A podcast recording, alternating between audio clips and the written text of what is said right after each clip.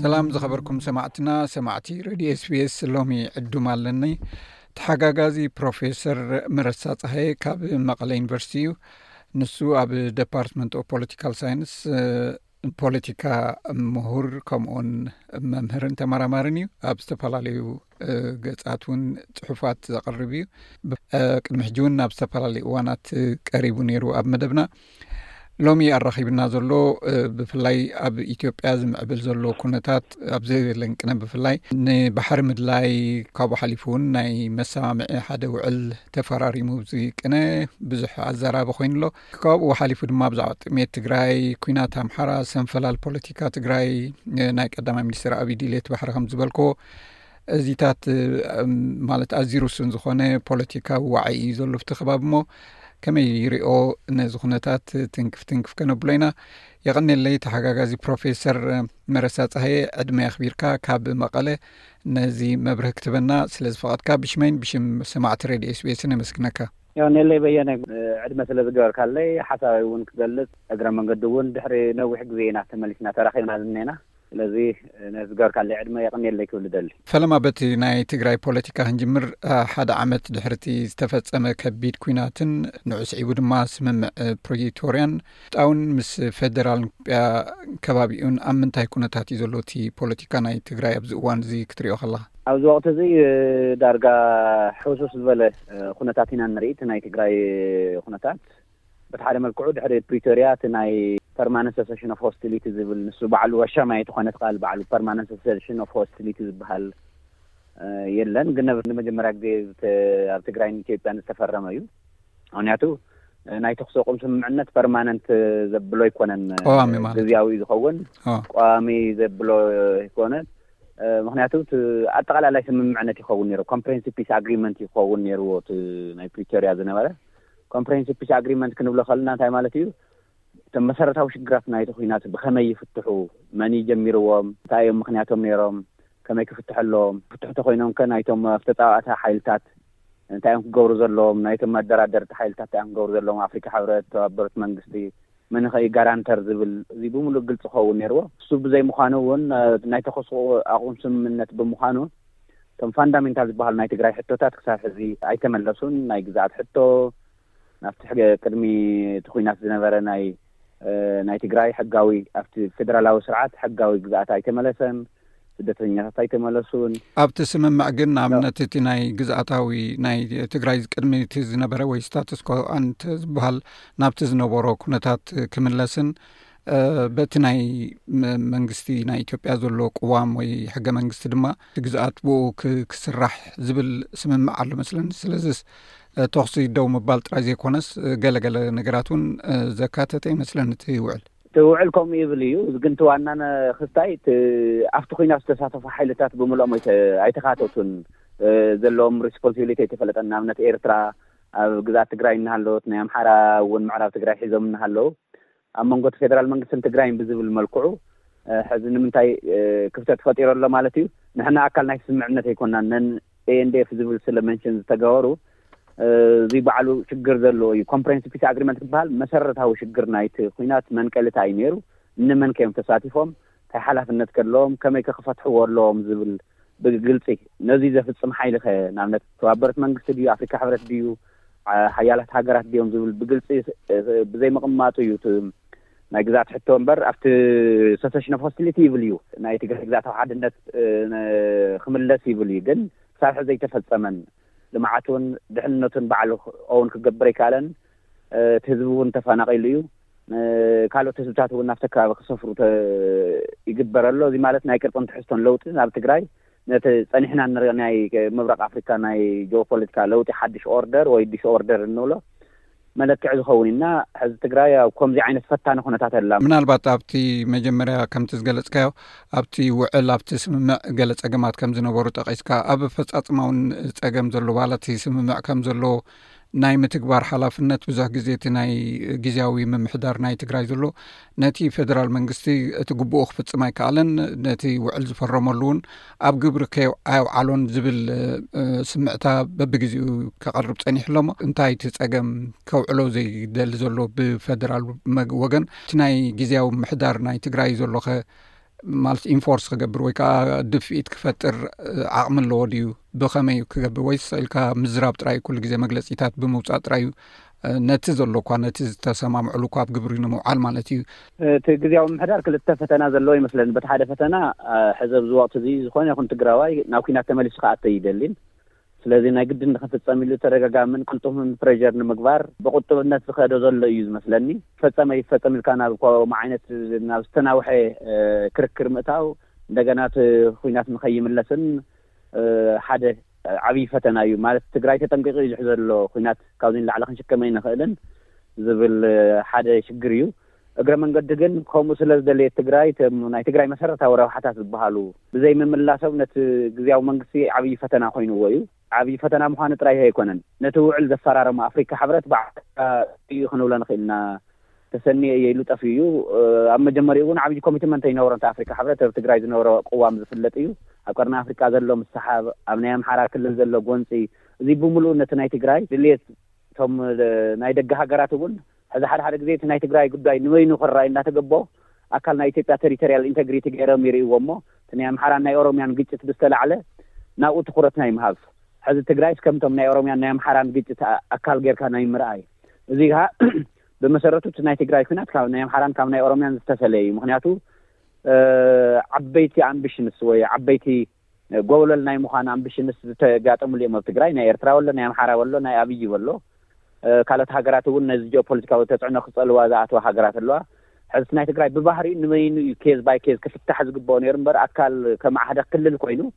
ምስ ናይ ኦሮሞ ግጭትን ናይ ኣምሓራ ግጭትን ማዕረ ማዕረ ትሪኦ እንትኾንካ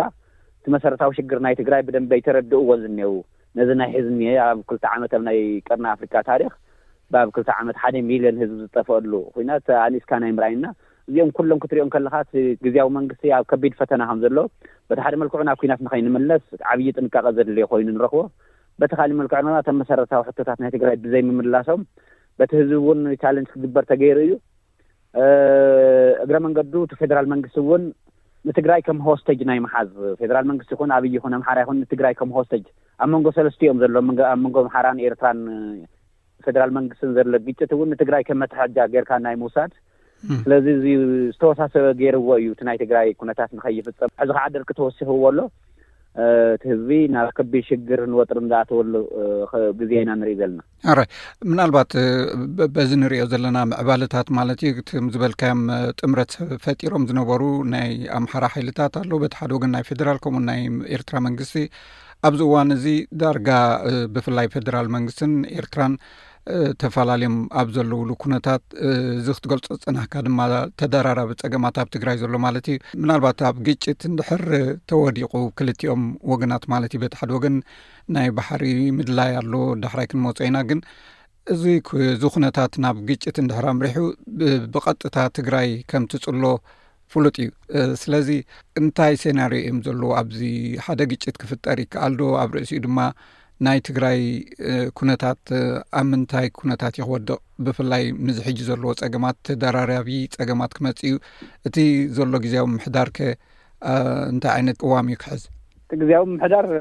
ሰፊሕ ትንተና ዘድልዮ ይመስለኒ ነቲ ኩነታት፣ ዝካየድ ዘሎ ግጭት ታይ ማለት እዩ? ንትግራይከ ታይ ማለት እዩ? ትግራይከ እንድሕር ተገዲዳ ናብ ዝኾነ ሓይሊ ክትፅጋዕ ኮይና እንታይ ዓይነት ረብሓታት እያ ክትረክብ ዘለዋ? ዝብል ዓብዪ ሰፊሕ ትንተና ቀሪቡ ናይ ምሁራን ይኹን ናይ ስትራተጂስት ቀሪቡ እዩ ኣቋም ክተሓዝ ኣለዎ ስኢሉ ምስ ኤርትራ ምስ ፌደራል መንግስቲ ምስ ኣምሓራ ዝበሃል ስኢሉ ብቐሊሉ ናይ ፖሊሲ ክኸውን የብሉን ምክንያቱ እቲ ናይ ትግራይ ሽግር ከምቲ ዝበልኩኻ ብጣዕሚ ዝተዋሳሰበ እዩ ምክንያቱ እዞም ሰለስተ ሓይልታት እዚኦም ናይ ግድን ንናይ ባዕሎም ዘይቃድበ ስትራተጂ ዘለዎም እዮም ኢሳያስ እውን ንትግራይ ኣዳኺሙ እዩ እንተስ ንኣብይ እንተስ ነምሓራ ንኣብይ ቻሌንጅ ገይሩ ነምሓራ ክሕግዝ ዝደሊ ኣምሓራ እውን ንትግራይ ኣዳኺሞም እዮም ምክንያቱ ንኤርትራ ቀይሕ ባሕር ዶ ምስ ኤርትራ ኣልያንስ ኣለና ዶ ዝብል እውን ናይ ኣምሓራ ትግራይ ተየዳኸምካ ዝኸውን ዝብል ኣቋም ዝሓዙ እዮም። እቲ ናይ ፌደራል መንግስቲ እውን ናብ ኤርትራ ዝገበሮ ናይ ቀይሕ ባሕሪ ሕቶ ይኹን ግዛዐ ይኹን ሕቶ መጀመርያ ንትግራይ ምድኻም ዝብል ሰለስቲኦም ሓይልታት ዝሓዝዎ ቅዋም ስለዝኾነ ትግራይ ኣብ ሰኪሪቲ ትራፕ እያ ዘላ። ምኽንያቱ እዚኦም ዋላ ነንባዕሎም ዝታፋነኑ እንተኾኑ ሰለስቲኦም ሓይልታት ኣብ ትግራይ እንትበፅሑ ግን ሓደ እዮም ዝኾኑ። ንትግራይ ምድኻም ዝብል ተመሳሳሊ ቅዋም ዘለዎም ገይረ እየ ዝወስዶም። እቲ ናይ ኢሳያስ ይኹን ናይ ኣምሓራ ይኹን ናይ ናይ ኣብይ ስለዚ ቀሊለ ይኾን ናይ ትግራይ ዝበፅሓ ተፅዕኖ በቲ ሓደ መልክዑ ጀኦፖለቲካ ኣቀማምጥኣ ነዙይ ሓደጋ ዝተጋለጠት እያ ብኤርትራ ዝለዓል ይኹን ብኢትዮጵያ ዝለዓል ኩናት ናይ ግድን ትግራይ ሰጊርካ ናይ ምኻድ ዝሓትት ስለዝኾነ ብስሩ እውን ትሬድያሱ ባዕሉ ኣብ ኤርትራ ወለው ትግራይ በሎ ዝግበር ኩናት ሬድያሱ ትግራይ ስለዝውዕል እዙይ ብጣዕሚ ፈታኒ ይገብሮ እዩ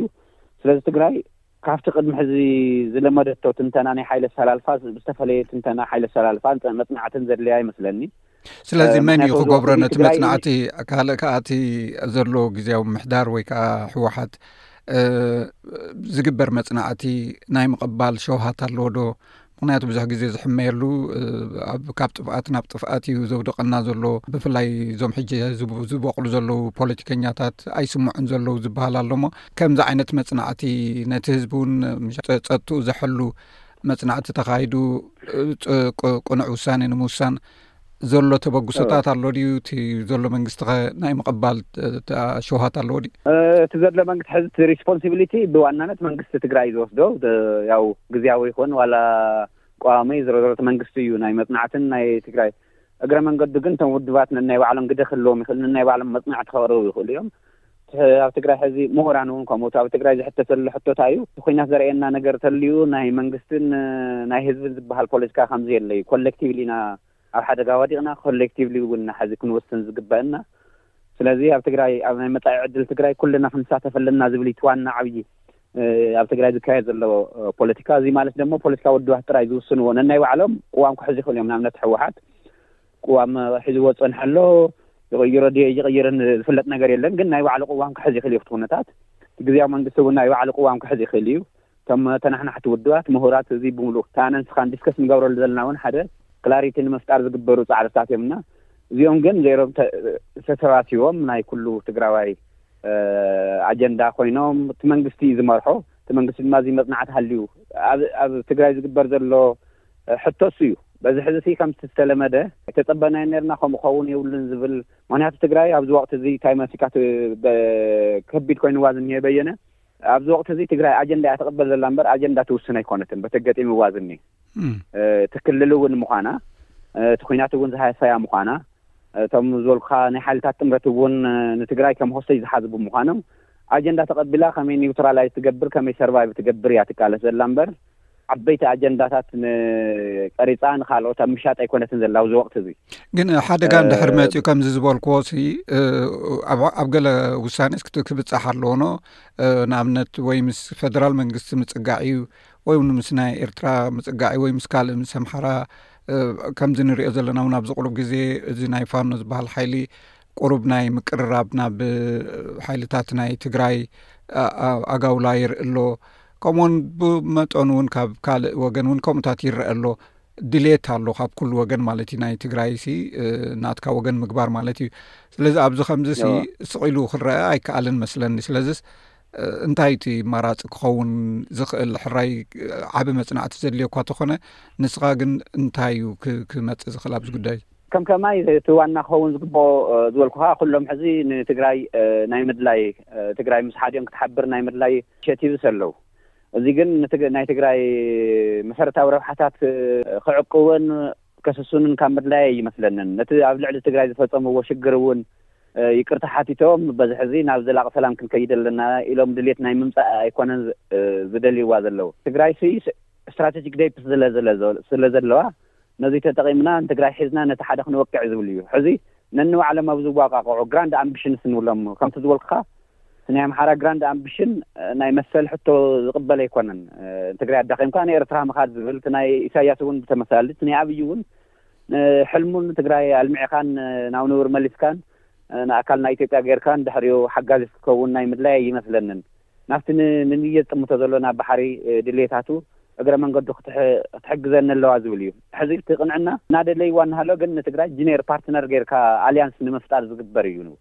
ዳትስ ዋይ እዚ ከዓ እያ ትግራይ ክትቅበሎ ዘይብላ ናይ ጅኔር ፓርትነር ሽፕ ክትቅበሎ የብላን መሰረታዊ ረብሓታታ ክትንፅል ኣለዋ ንኣብነት ኣነ ኩሉ ግዜ ብተደጋጋሚ ከም ዝብሎ ምስ ኤርትራ ዘለና ርክብ ብደንቢ ከምቲ ቅድሚ ሕዚ ዝነበረ ክኸውን የብሉን ኢልና ኣሕዋት ኢና ዝብሉ ኣሕዋት እማ ኣሕዋት ኢና ፋክት እዩ ንሱ ምንም ምይይጥ ኣየድልዮን። ናይ ኤርትራ ኣብ ኤርትራ እንታይ ረብሓ ኣለና ኤርትራውያን ካባና ምሳና እንታይ እዮም ረብሓ ዘለዎም ብደንቢ ተነጺሩ ካብ ካብ ሓደ መንግስቲ ብዝዘለለ መልክዑ ስትራተጂክ ረብሓና ክንጸር ኣለዎ ንዕኡ እውን ሰፊሕ ምዝራብ ዘድሊ ከም ብሓዱሽ ምክንያቱ እቲ ናይ ኤርትራን ናይ ትግራይን ርክብ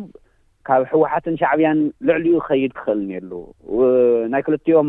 ግትርነት ኣባና ዝፈጠሮ ርኢናዮ ኢና እሱ ጥራይ ተይኮነ ንክልቲኡ ህዝቢ እውን ጎዲእዎ ተቐላዒ እውን ክኸውን ገይርዎ እዩ ብተመሳሌ ምስ ኣምሓራ ክልል ጎረቤትና ግን ኣብ ልዕሌና ዝፈጸምዎ ወንጀልን ንትግራይ ዘለዎም ንትግራይ ጥሒስካ ግዝኣታ ቆሪስካ ናይ ምውሳድ እዚ እውን ብደንቢ ክረኣይ ኣለዎ ሓደ ሓደ ግዜ እቲ ኦሮሞ ኣብቲ ፌደራል መንግስቲ ስለ ዘሎ ስትራቴጂካዊ ፈታዊ ኢና ዝብል እሰምዕ እየ ኦሮሞ እውን ንዓና እንታይ ይህቡናን እንታይ ኣይህቡናን ብደንቢ ክንጽር ኣለዎ ሕዚ ኣብዚ እንታይ ኢኻ ትርኢ እቲ ሓደጋ ገጢምዋ እኒሀ ትግራይ በቲ ሓደ መልክዑ ኦሮሞ ዝኾኑ ናይ ቀርኒ ኣፍሪካ ክኸውን እዩ ዝብለሎ ናይ ኦሮሞ ኢሊት፣ በቲ ካሊእ መልክዑ ድማ ዓባይ ኢትዮጵያ ዝብል ናይ ኣምሓራ ኢሊት ኣሎ። እግረ መንገዱ ኣብዚ ሎሚ ቅነ እውን ዝሰማዕናዮም ነይረ ካብ ኤርትራ ንሰምዖ እውን ዓባይ ኤርትራ ዓይነት ዝብል በቲ ናይ ሻዕብያ ሚድያ ዝመፁ እውን እዚኦም ክትሪኢ ከለኻ ዝሓስቡ ዘለዉ ዓባይ ዓባይ ዝብል ሒዞም ግን ነተን ኣብኡ ዝኒኤው ህዝብታት ሒዝካ ናይ ምሕላፍ እዩ። ስለዚ እዚ ኣብ ግምት ኣእቲና እቲ ናይ ትግራይ ምስ ኤርትራ ዘለና ብደንቢ ክሳብ ሕዚ ዝመፀናዮ ታሪኽን ኣብ ግምት ኣእትዩ ዘላቒ ስትራተጂካዊ ረብሓ ናይ ክልቲኦም ህዝብታት ኣብ ግምት ዘእተወ መጽናዕቲ የድሊ እዩ። ዝርርብ ኣብ ክልቲኡ ክዓየድ። እዚ እትሰምዕዎ ዘለኹም መደብ ብቋንቋ ትግርኛ ዝፍኖ ሬድዮ ኤስቢኤስ እዩ። ክብራት ሰማዕትና ሰማዕቲ ሬድዮ ስፔስ እዚ ክትሰምዑ ዝፀናሕኩም ምስ ተሓጋጋዚ ፕሮፌሰር መረሳ ፀሃየ ብዛዕባ ኣብ ትግራይን ከባቢኡን ዘሎ ፖለቲካዊ ምዕባለታት ዝምልከት ዝገበርናዮ ቀዳማይ ክፋል ቃል ምልልስ እዩ ካልኣይ ክፋሉ ኣብ ዝመፅእ ከነቕርቦ ኢና